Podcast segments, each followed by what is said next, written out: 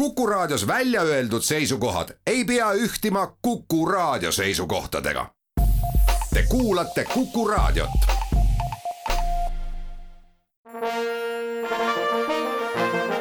Vanemuise veerand.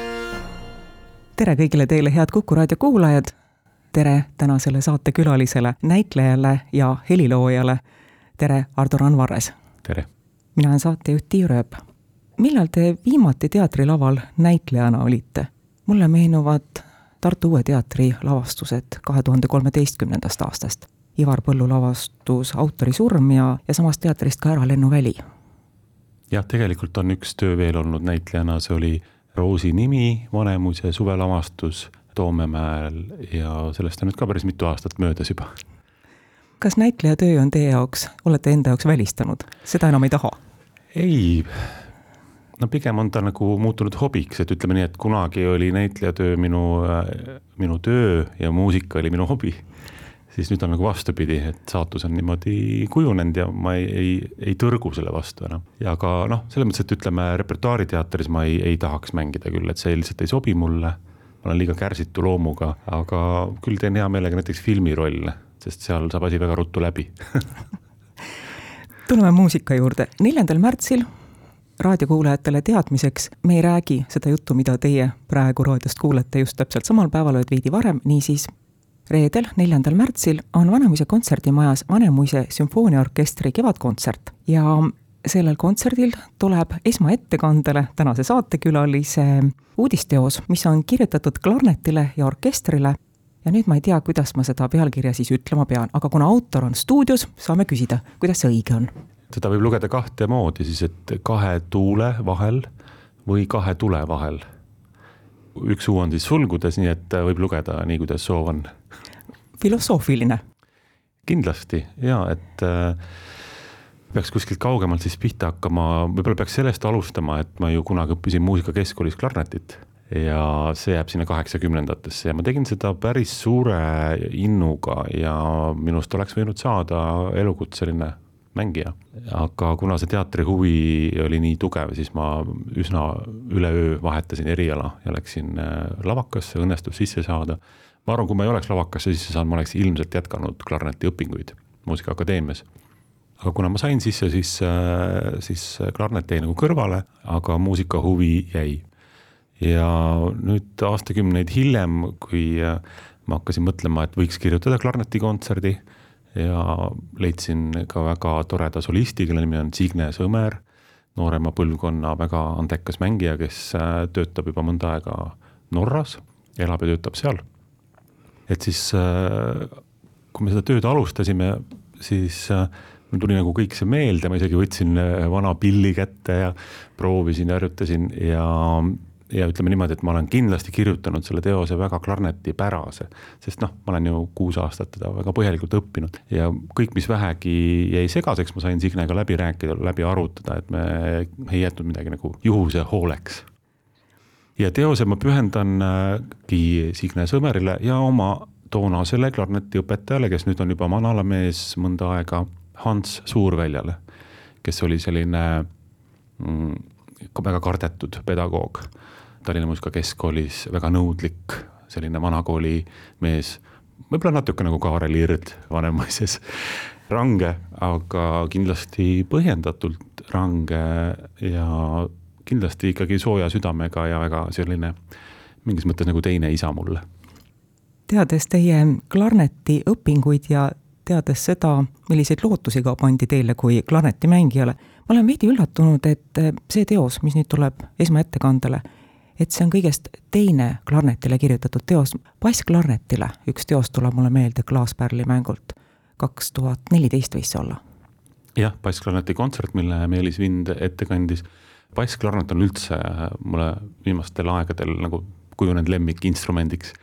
aga tõesti jah, klarneti, klarnetile ma ei olegi nagu kirjutanud ja kuidagi ei ole selle peale tulnud ja eks need sellised soolokontserdi ideed sünnivad ka kuidagi pooljuhuslikult, et äh, ma mäletan, ma lugesin Sirbist väga põhjalikku intervjuud Signe Sõmeriga ja siis mul järsku nagu käis selline klõps, et oot-oot, aga see võiks ju olla tore koostöö. et tegelikult see impulss tuligi nagu minu seest sel hetkel. Et tal ei olnudki nagu mingit äh, pikemat tagamaad või mingit väga selget soovi, et kandsin mitukümmend aastat taskus sellist mõtet või, või kuklas. aga jah, kui lühidalt üritada teosest rääkida, et miks tal selline pealkiri on ja nii edasi, et äh, ma alustasin teise osa kirjutamisest, ta on kolmeosaline teos ja siis äh, esimene ja kolmas osa kujunesidki nagu kaheks tuuleks või kaheks tuleks, mille keskel siis see keskmine osa oma sellise sissemaatava emotsiooniga on ja minu meelest tänane päev annab selleks kõigeks tohutult inspiratsiooni. et äh, esimene osa on mul mõeldud sellise pigem naiivse lähenemisena ja kolmas osa pigem agressiivse lähenemisega. ehk teisisõnu, ma näen seda oma ümber täna väga palju, kuidas naiivsus ja agressiivsus otsivad teineteisele poole teed ja ka leiavad teineteist väga, väga selgelt ja, ja, ja sellel on väga kummalised tagajärjed. mingis mõttes ajalugu kordub me oleme ajaloos varem näinud selliseid olukordi küll ja küll, aga ikkagi see tuleb nagu üllatusena, et ohoh, näed jälle. ja siis ähm, see keskmine osa on, ütleme, selline võib-olla pisut budistlikust filosoofiast kantud selline kesktee otsimine, vaade sissepoole, mingi kolmanda tee otsimise võimalus ehk teisisõnu, see väga polariseerunud maailm, kus me praegu oleme, et ma arvan, et ikkagi igaüks meist võiks mõelda, et ei saa ju olla ainult must ja valge, ei saa ju olla ainult üks tõde ja teine tõde. et kindlasti on olemas ka mingid võimalused veel.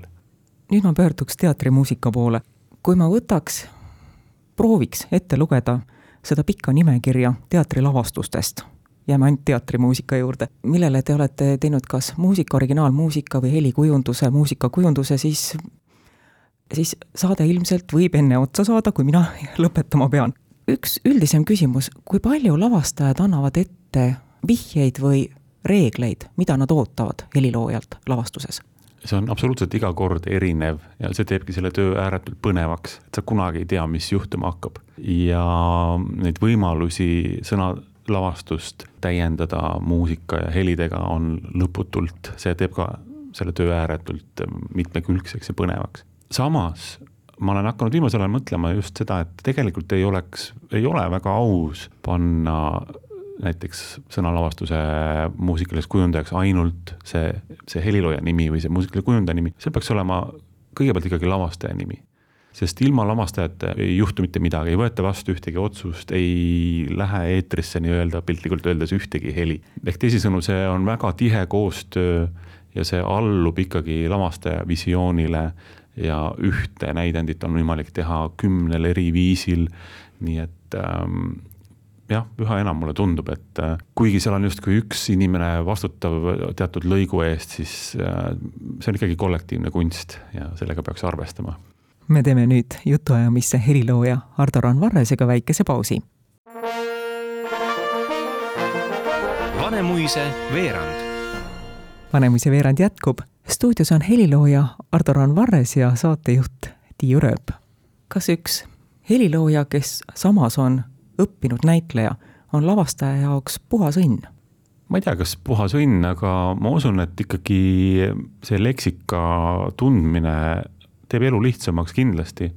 ja kuidagi ütleme siis niimoodi, et, et hea näitleja on selline, kellega on mõnus koos töötada, kes on valmis minema nii-öelda avantüüridele, kes ei tõrgu, kes ei, ei, ei noh, kuidas ma ütlen, ei et temaga ei ole keeruline koostööd teha, ma arvan, et see on see, mida lavakunstikool ju ka õpetab. see ongi selline eriala, kus sa peadki mingis mõttes äh, laskma ennast tühjaks ja vabaks selleks, et võtta vastu selle uue teose impulsid ja, ja sisend, mida annab siis lavastaja, mida annab roll. ja ma arvan, et see teatri ja filmi helilooja töö on väga-väga sarnane. et sa puhta lehena lähed proovidesse ja häälestud sellele, kuhu lavastaja tahab sind või kogu trupi suunata. sageli teatri lavastuse jaoks loodud laulud sulanduvad lavastuse sisse niivõrd, et nad võib-olla eraldiseisvana ei jäägi niivõrd kõrva. aga kui me võtame teie värskema töö Vanemuises lavastuse Vennad lõvisüdamed ja mõtleme nende solistide peale, keda te kasutasite seal, siis võiks tekkida küll ju kiusatus teha üks raadiohitt. jaa, kindlasti ma, ma jäin mõtlema selle peale, mis te just ütlesite. mul tuli meelde väga kuulus laul, mis kõlab filmis Nipernaadi, Rände õhtulaul või kuidas see oli, et see on ju tegelikult teatrietenduse laul, mis kandus üle filmi. ja see oli minu meelest Jaan Toominga ma võin eksida pealkirjaga, aga see oli kindlasti Jaan Toominga lavastus Vanemuises. et see on lihtsalt minu meelest hiilgav näide sellest, kuidas üks teatrilaul hakkab oma elu elama ja, ja, ja muutub mingis mõttes nagu iseseisvaks. Neid näiteid on veel ja veel kindlasti, aga jah, et kui me räägime vendadest lõvisüdametest, mida Tiit Palu hakkas, ütleme juba eeltööd tegema üle aasta tagasi ja kui me rääkisime, et seal võiks olla laulud siis ma olin puhtjuhuslikult kuulnud raadiost saadet äh, legendaarse Peeter Toomaga ja ausalt öeldes ma olin täiesti pahv, et ta on täies loomejõus ja täies laulujõus. et ta just äsja oli salvestanud mõned laulud ja ma kuulsin neid eetris. See oli minu jaoks noh, šokk, et tema hääl on püsinud muutumatuna üle viiekümne aasta sest ma vaatasin pärast äh, Vikipeediast järgi, et Viimse reliikvia laulud ta laulis ju sisse kahekümne kolme aastasena ja film tuli välja kuuekümnendate lõpus, eks ju. et äh, siis järsku mul tekkis see minu peas, need kaks asja läksid nagu kokku, et aga mis oleks, kui me kutsuks Peeter Tooma laulma neid laule, sest Tiit soovis, et laulud kõlaksid fonogrammilt. Ja Tiidule mõte meeldis ja võtsime Peetriga ühendust ja Peeter äh, tuli kaasa ja, ja ta laulis ja mõned laulud on siis duetina Liisi Koiksoniga lauldud. ja ausalt öeldes see on hämmastav, sest et äh, vendades lõvisüdametes on väga selgelt vastupanuvõitluse meeleolud, vastupanuvõitluse teema, sama, mis Viimses reliikviaski ja Peeter Tooma hääl toob kaasa selle väga suure tähendusvälja, mis Viimse reliikvia lauludel on ja see lõpptulemus tuli minu meelest väga-väga huvitav. muide, suurepärased Aapo Ilvese originaallaulu sõnad.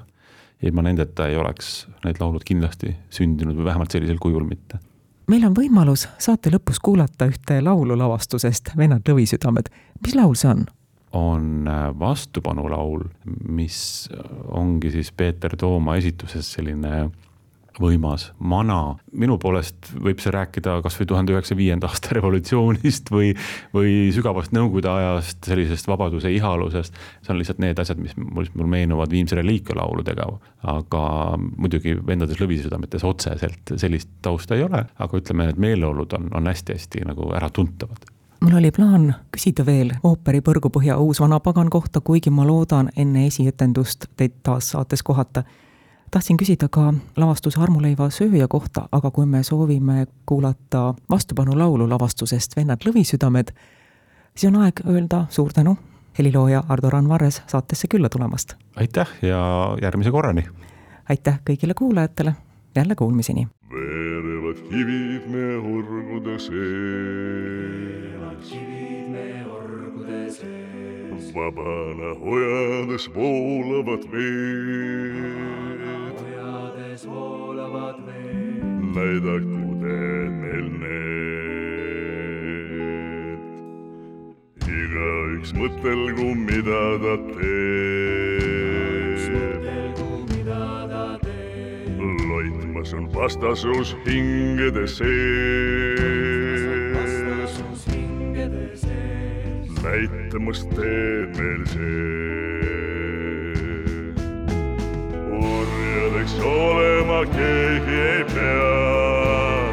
olema keegi ei pea. seljad on sirgu ja püsti on pea. sirgu ja püsti on pea. südame sees on leek, südame sees on leek. nurmede, metsade, külade hääl.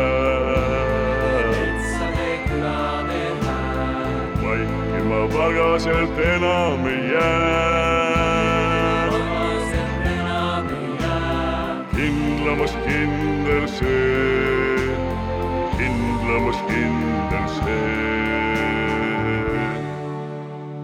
veerevad kivid me orgude sees, kivid me orgude sees. vaban vanahojades voolavad veed. Näidaku teed meil need.